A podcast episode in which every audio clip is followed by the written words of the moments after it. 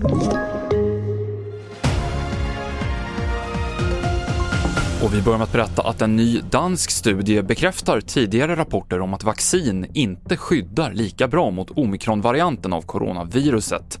Studien, som ännu inte är granskad, följde närmare 12 000 covid-drabbade hushåll i december och enligt forskarna så skyddar vaccinet sämre mot omikron än mot andra varianter, men det ger ändå ett visst skydd och ovaccinerade sprider smittan vidare mer än vad vaccinerade gör.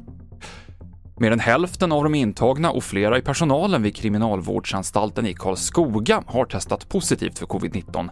Smittan upptäcktes i måndags, vilket Karlskoga Tidning var först med att berätta om, och närmare 50 personer är nu smittade. Anstalten har tills vidare stängt alla gemensamma utrymmen och infört besöksförbud och en lastbilschaufför som vållade fyra personers död får sitt fängelsestraff sänkt med 100 år. Chaufförens bromsar slutade fungera i en brant nedförsbacke i Klippiga bergen och han dömdes för att ha orsakat en seriekrock och efterföljande brand där flera personer dog.